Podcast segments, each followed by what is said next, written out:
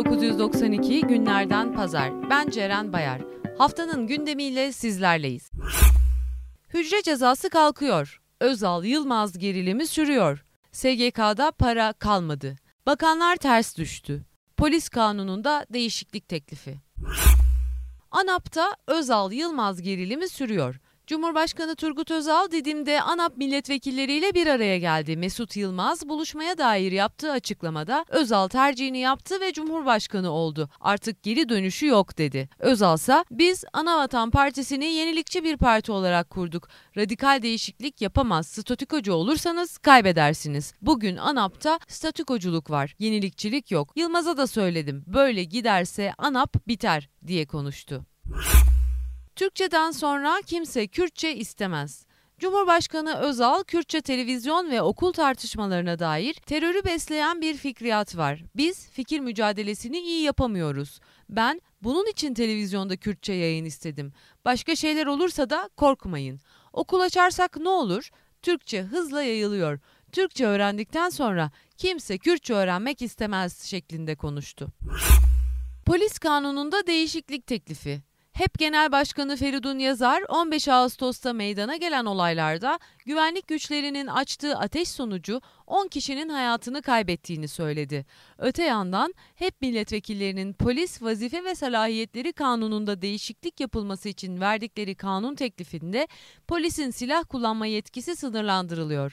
Arama ve el koyma yetkisi vali ve kaymakam iznine bağlanıyor gözaltı süresi de en fazla 48 saatle sınırlandırılıyor.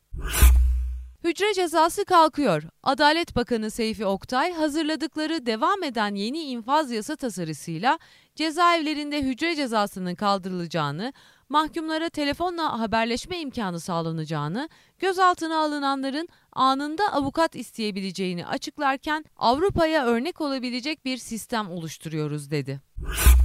Şırnak'ta çatışma. Şırnak kent merkezinde iki gün süren çatışmaların ardından kent merkezi harabeye döndü. O hal valisi Ünal Erkan, elimizde 14 ceset var, çoğu terörist dedi. Yerel kaynaklarsa çoğu sivil 300 kişinin hayatını kaybettiğini belirtiyor. Gönlünüzden ne koparsa. Milli Eğitim Bakanı Köksal Toptan bu yıl okullarda kayıt parası alınmayacağını açıklarken ancak isteyen maddi durumu iyi olan velilerimizden çocuklarının okuduğu okula istedikleri kadar yardımda bulunmalarını istiyoruz. Okullarımızın bu yardımlara ihtiyacı var dedi. SGK'da para yok, emekliden protesto. Maliye Bakanı Sümer Oral, işçi emeklilerinin maaş farklarının 17 Ağustos itibariyle ödeneceğini açıkladı. Bankalara akın eden emekliler SGK'da para olmadığı için farklarını alamayınca Bakan Oral ödemelerin 1 Eylül'e ertelendiğini açıkladı. Farklarını alamayan yaklaşık 2000 emekli İstanbul Kartal'da protesto eylemi yaptı. Bakanlar ters düştü. İçişleri Bakanı İsmet Sezgin memurların örgütlenmesini yasaklayan genelgeyi kaldırmayı düşünmediklerini açıkladı. Geçtiğimiz hafta Çalışma Bakanı Mehmet Moğultay ise memurlara örgütlenme çağrısı yapmıştı.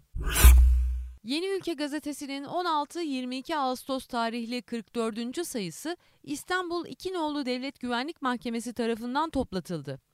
96 sayısından 38'i toplatılan Yeni Ülke gazetesinin genel yayın yönetmeni Hüseyin Aykol, Kürt realitesini tanıdığını söyleyen başbakanların zamanında tüm yayın organlarında pek doğal olarak Kürdistan kelimesi geçmektedir. Nedense çifte standarttan bir türlü kurtulamıyoruz dedi.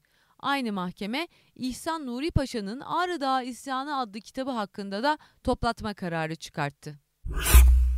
Haftadan kısa kısa. İstanbul'da bulunan Lütfi Kırdar Spor Salonu 19 Ağustos'ta kongre salonu yapılacağı gerekçesiyle mühürlendi. Tarabya'daki evinden işe gitmek için çıkan ve bir daha kendisinden haber alınamayan Hasan Gülünay'ın ailesi Uluslararası Af Örgütü'ne başvurdu. Benzine yine zam geldi. 22 Ağustos'tan itibaren geçerli olmak üzere benzin fiyatlarına %6 oranında zam yapıldı. Hazine, devlet iç borçlanma senetlerini satışa sundu. Toplam 1,5 trilyonluk bono ve tahvilin 300 milyar liralık kısmı ilgiyle karşılandı. 12 Eylül askeri darbesinin ardından kapatılan Devrimci İşçi Sendikaları Konfederasyonu DİSK 12 yıl aradan sonra yeniden faaliyetlerine başladı. Sendikaya üye çalışmaları tüm hızıyla sürerken Oleyis'in üye sayısı 21 bini geçti. Genel işin üye sayısı ise 24 bine ulaştı. Türkiye Spor Yazarları Derneği Kupası final maçında Galatasaray Fenerbahçe'yi 4-3 yenerek kupanın sahibi oldu. Türkiye'de yayın yapan 11. televizyon kanalı olan HBB test yayınlarına başladı. Türkiye'de ilk kez stereo yayın yapılacağı ve teknolojinin tüm olanaklarının kullanılacağı HBB yayınlarını Londra'dan yapacak ve pornoya kesinlikle yer vermeyecek.